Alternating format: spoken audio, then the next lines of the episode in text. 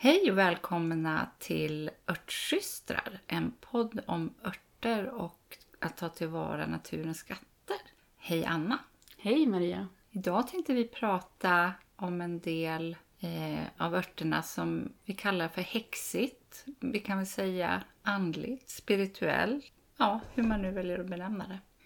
Vi har ju pratat un under de tidigare avsnitten om varför vi ska hålla på med örter ur olika perspektiv. Vi har pratat om hur man kan använda örter för egenvård. Hur vi kan använda det för att få en mer giftfri vardag. Att vi genom att skörda vilda örter och odla örter kan eh, bli självförsörjande i mycket som vi behöver för vår hälsa. Både för krämpor och för näring. Och sen vårt fjärde perspektiv nu som vi vill prata om det är att den andliga eller spirituella dimensionen av att hålla på med örter och vad det, vad det kan ge oss. Mm. För jag tycker det ändå är viktigt, ett viktigt perspektiv för mig är ju, eh, om jag tänker på ordet helande, så är det också en hel ande. Att även den delen av oss eh, behöver stöd. Det är inte bara kroppen alltid som ska fixas. Nej, utan det hänger ihop, kropp och själ. Och jag tror att, att det här är någonting som börjar bli mer allmänt accepterat. Mm. Att det faktiskt är så. Att våra kroppsdelar lever liksom inte av sig själv utan de hänger ihop med vårt, med vårt psyke och, och hur, vi, hur vi mår. Och att ja, men till exempel en sån här sak som eh, tarmfloran. Alltså det har ju kommit jättespännande forskning bara de senaste åren som visar hur, hur eh, störningar i tarmfloran har kopplingar till sånt som tidigare bara har sett som psykiska sjukdomar. Mm. Och nästan också kanske lite gränsfall till att det har ansetts vara inte riktiga sjukdomar eller att ja, man får bara skärpa till sig eller att det är hittepå sjukdomar. Men att det, vi börjar lära oss mer och mer om hur, hur kroppen hänger, kropp och själ hänger ihop. Och just utifrån det så tycker jag att det är viktigt att ha en ödmjukhet inför det där. Att vi, mm. vi vet inte allt. Och det, jag tycker att det är jätteviktigt med evidensbaserad vård och att, att saker och ting är vetenskapligt förankrat. Men sen så får man ju inte glömma att det intuitiva. Det, ja, och att det vetenskapen säger det är ju bara liksom ur de här kikaren som, som vetenskapen har tittat. Sen finns det en hel värld med saker som, som vi inte förstår. Och det innebär ju inte att det inte... Finns eller är sant. Ja. Och eh, växterna i sig upplever jag eh, också har en, liksom, vad ska man säga, spirituell. Alltså växterna i sig upplever jag är helande bara som de är.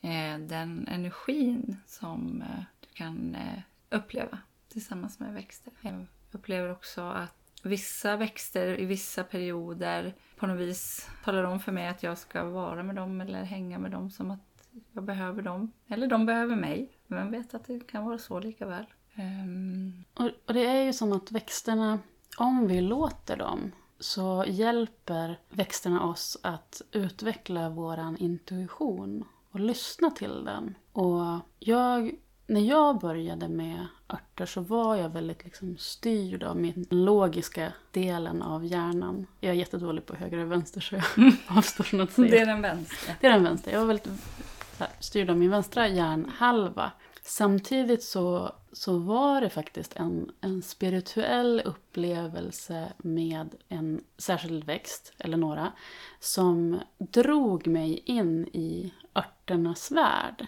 För jag när jag anlade min, min trädgård så gjorde jag det under en period i livet som hade varit väldigt svår för mig. Och just det här att vara i trädgården och odla och liksom plantera blommor och så, det var väldigt läkande för mig. Att det var, och det är fortfarande bara ren och skär lust. Det är så himla roligt. Och sen för mig så är det inte så himla viktigt med resultatet och att det blir snyggt och att jag kan lägga upp flashiga bilder på det. Utan för mig är det, är det själva varandet och görandet i trädgården som är viktigt. Men det som hände för mig där var att jag märkte hur vissa växter, vissa aromatiska växter, eh, som isop och stenkyndel, att de hade, hade en inverkan på mig Och det var inte så att jag ens smakade på dem eller plockade dem eller gjorde någon form av beredning på dem. Utan bara av att de fanns där och inte minst då doften som, som de har. De är ju väldigt starkt aromatiskt doftande. Och det var det som, som gjorde att jag fick upp ögonen för det här med liksom den inverkan som naturen kan ha på oss. Och inte först och främst den här kraften som finns i örtberedningar utan just den här känslan som vi får av att vara i naturen. Att låta den omfamna oss och läka oss. Helt sant, så upplever jag också. Eh, jag kan bara komma hem en dag från jobbet och säga nu måste jag ut i skogen. Eh, jag upplever också att, eh, liksom, att jag får hjälp av någon eller några eller växter eller så hjälper jag mig själv, inte vet jag. Men om jag liksom har gått och funderat så jag skulle verkligen vilja hitta vildväxande kamomill. Och så önskar jag snälla skulle det skulle vara så himla kul. Och då hittar jag den, alltid. Och det tycker, jag tycker det är så fantastiskt. Jag vill nästan säga magiskt. Mm. Och då tackar jag såklart för hjälpen. Det är så kul det där, för det, vi pratade om det för några veckor sedan. Just om det här med att, att prata med växter och att, att fråga om lov. Ehm, och då minns jag att du och jag samtalade kring det här och du berättade för mig mer rent konkret hur du gör. Och så testade jag det när jag, jag skulle gå ut i skogen och skörda käga. Och jag skulle filma det till mitt Instagramkonto. Och så hade jag jag hade ju sett en fantastisk käga som jag tänkte, ja men den här är ju liksom... Men den var för högt upp och jag hade stukat foten så jag kunde inte, det gick liksom inte att lösa med den makalösa kägan. Och så bara, ja men nu, ska jag, nu måste jag gå ut och filma den här för det var lite kort om tid. Så gick jag ut i skogen i den här lilla slydungen som vi pratade mm. om för ett tag sedan.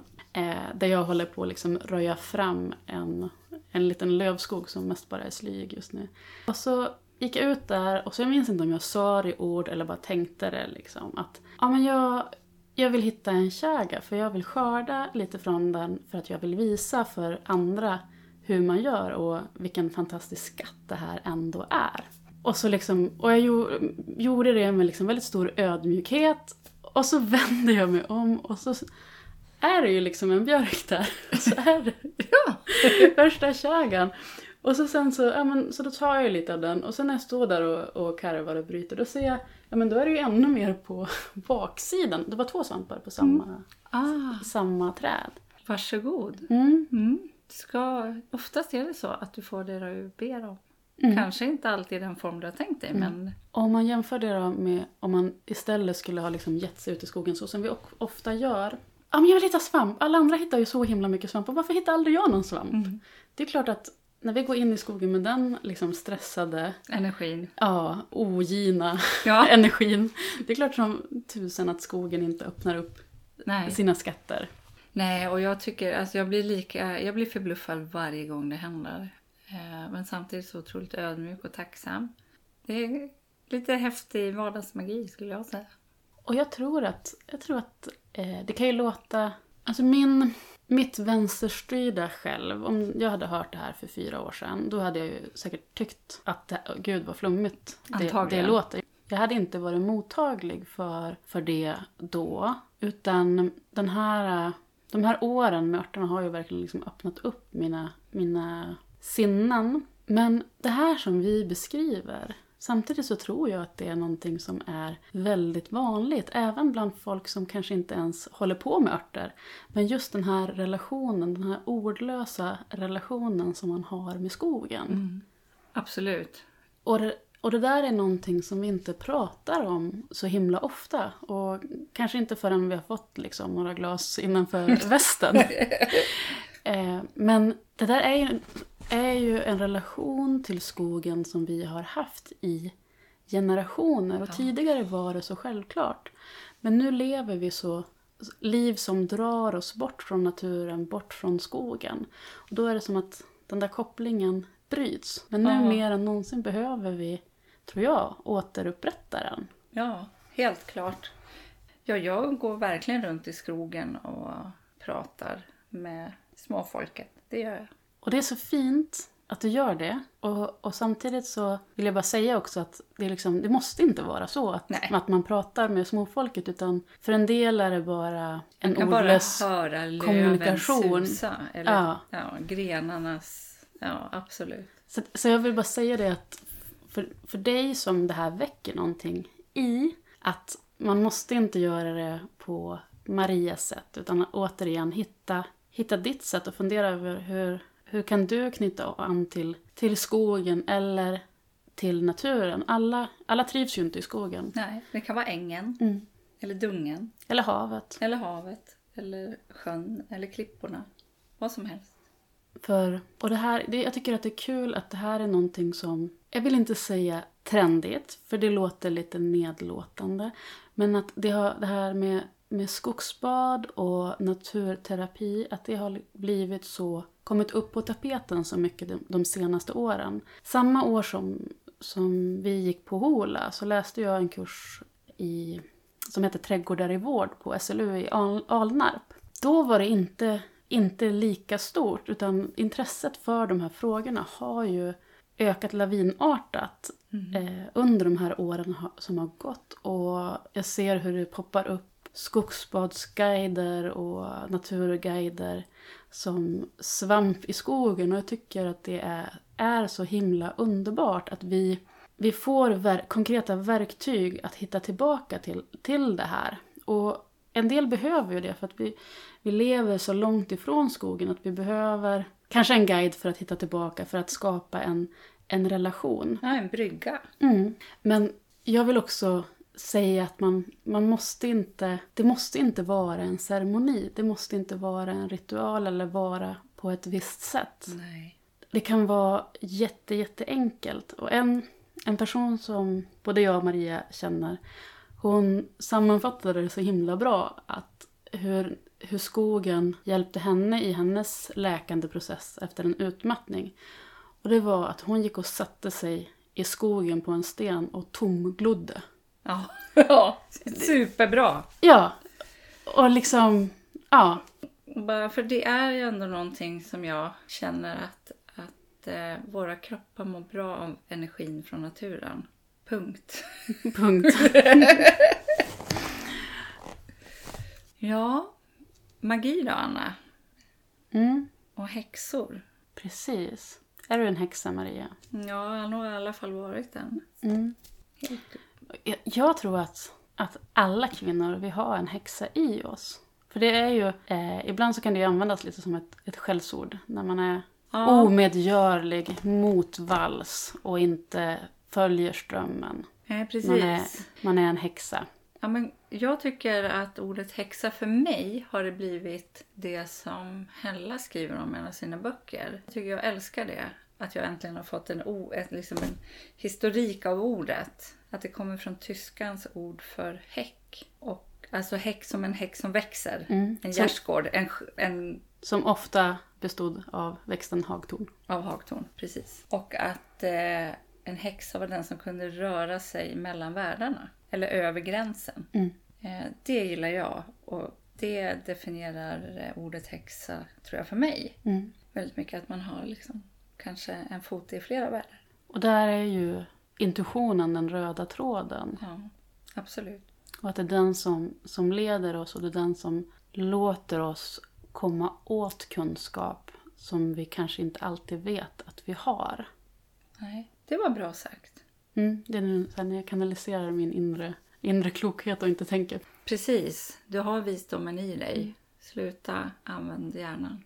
Och jag tror att intuition är det viktigaste verktyget som vi har i livet. Och när jag ser tillbaka på stora beslut, viktiga beslut som jag har fattat i livet, så är det ju intuitionen som har hjälpt mig, lyft mig och faktiskt räddat mig ibland från att göra riktigt dåliga val.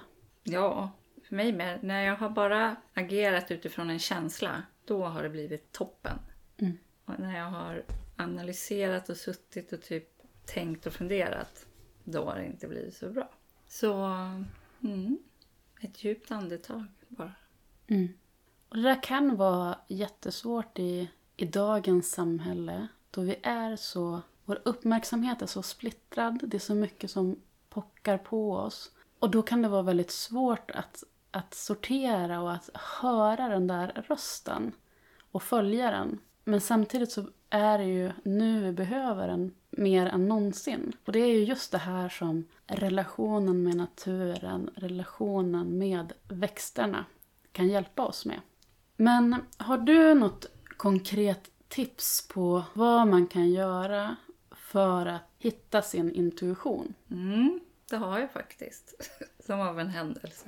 Eh, en klok människa lärde mig en gång för väldigt länge sedan eh, ett litet tips som jag använder mig av hela, hela tiden. Och det, är, det baseras på att om du är i en djupandning, att du andas liksom djupt ner i magen, så är du närvarande i dig själv och liksom hör dig själv. Och för att komma dit eh, väldigt snabbt så brukar jag vissla. För kan man inte vissla, eller kan man vissla, då djupandas man. Kan man inte vissla så är man inte riktigt på rätt ställe. Det gör jag hela tiden. Ah, det är superbra. Vissla fram din intuition. Ja, för Eller vissla att, efter intuitionen. Vissla, vissla på din intuition helt enkelt. Eh, så jag använder det om jag ska ringa ett jobbigt samtal eller göra någonting där jag känner att jag måste ha hela mig med mig i det här. Så då väntar jag tills jag är så pass lugn och grundad eller så att jag kan vissla. Eh, och en ännu snabbare väg är att du bara kan titta i kors, skela. Och då brukar det automatiskt efter bara sjunka ner. Så det är mina två vardagstips för att liksom komma tillbaka till dig själv. Vad fint. Mm. Idag när det här avsnittet sen så är det faktiskt midsommarafton i Sverige. Mm, just det. Och det är ju en, en eh, högtid omgärdad av magi. Ja, en mystik, ett traditionellt, mm. en natt den är, vad är det man säger? Gränsen mellan världarna är tunn. Mm. Har du något särskilt du brukar göra? På midsommar? På midsommar. Förutom att jag eh, plockar de traditionella sju blommorna så brukar jag också ställa ut, så lite som man gör på julafton till tomten, mm. så brukar jag ställa ut eh, lite bröd. Oftast blir det flädersaft också till eh, tomten. Mm, vad fint. Det är en, en riktig bortskämd tomte hos dig ja, som inte det. måste vänta ett helt år Nej. på påfyllning. Gör du någonting? Jag under midsommarhelgen och de där dagarna kring sommarsolståndet. Sommarsolståndet eh, är ju egentligen den liksom, punkten då som midsommaraftonsfirandet egentligen hör till. Ja. Det är ju det att i våran kalender så infaller den på, en fredag, fredag av praktiska ja. skäl så att alla kan i dagens samhälle kan eh, njuta av den. Ja, och träffas och festa tillsammans. Men just den där tiden så brukar jag försöka eh, passa på att skörda så mycket som möjligt. För det är ju väldigt mycket örter just då som, mm. som precis under tiden fram till sommarsolståndet innehåller som mest näring. Mm, det är prime time. verkligen. Och för mig som uh, odlare så är ju juni väldigt, väldigt hektisk. Att då är det ju fullt ös med att dundra ut plantor, så, rensa ogräs, vattna, fixa dona. Och då är det ju alltid så att skördandet av örter lätt hamnar på efterkälken. Så mm. att det där är som en, en underbar period under några dagar att kunna släppa allt med odlingen och bara unna sig att, att eh, skörda örter. Och samtidigt som jag skördar örter vara i naturen. Mm.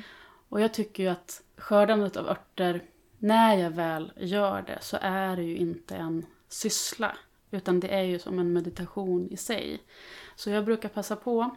Och det här är ju, är ju någonting som historiskt sett, eller traditionellt sett förr, eh, så ansåg man ju att eh, växterna hade som mest magi mm. i sig under de där dagarna. Och det är ju lite intressant, det kan man ju fundera över, för vi vet ju nu ur, ur ett vetenskapligt perspektiv att det är så att de innehåller mest näring just då. Och det är ju som att det visste man då. Ja. Man kallade det för magi. Och de var bäst helt enkelt? De var bäst då. De fick mest kraft, kunde... kunde var mest potenta? De var mest potenta. Eh, och man kan kalla det magi, man kan kalla, kalla det näringsrikhet. Eh, sak samma. Så det brukar jag försöka göra. Eh, nu i år så är det ju lite speciellt för då infaller ju... Oftast så brukar det vara att midsommarafton är på fredagen och så är sommarsolståndet lite senare under helgen. Vilket jag tycker är jätteskönt. Och, eh, gör man något skoj barnrelaterat på midsommarafton och sen så eh, är det några magiska nätter då jag brukar skörda både på dagarna men även på, på nätterna. Mm. Och kanske ta ett nattdopp när solen går ner. Liksom. Eh, men nu i år så infaller eh, sommarsolståndet var ju redan i måndags. Ja. Och så är midsommarafton på, på fredagen. Eh, Mm.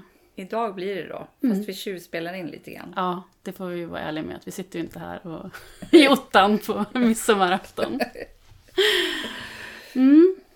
Mm, du har rätt, jag missar, det gör jag också. Jag skördar också. Mm. Och så, ja.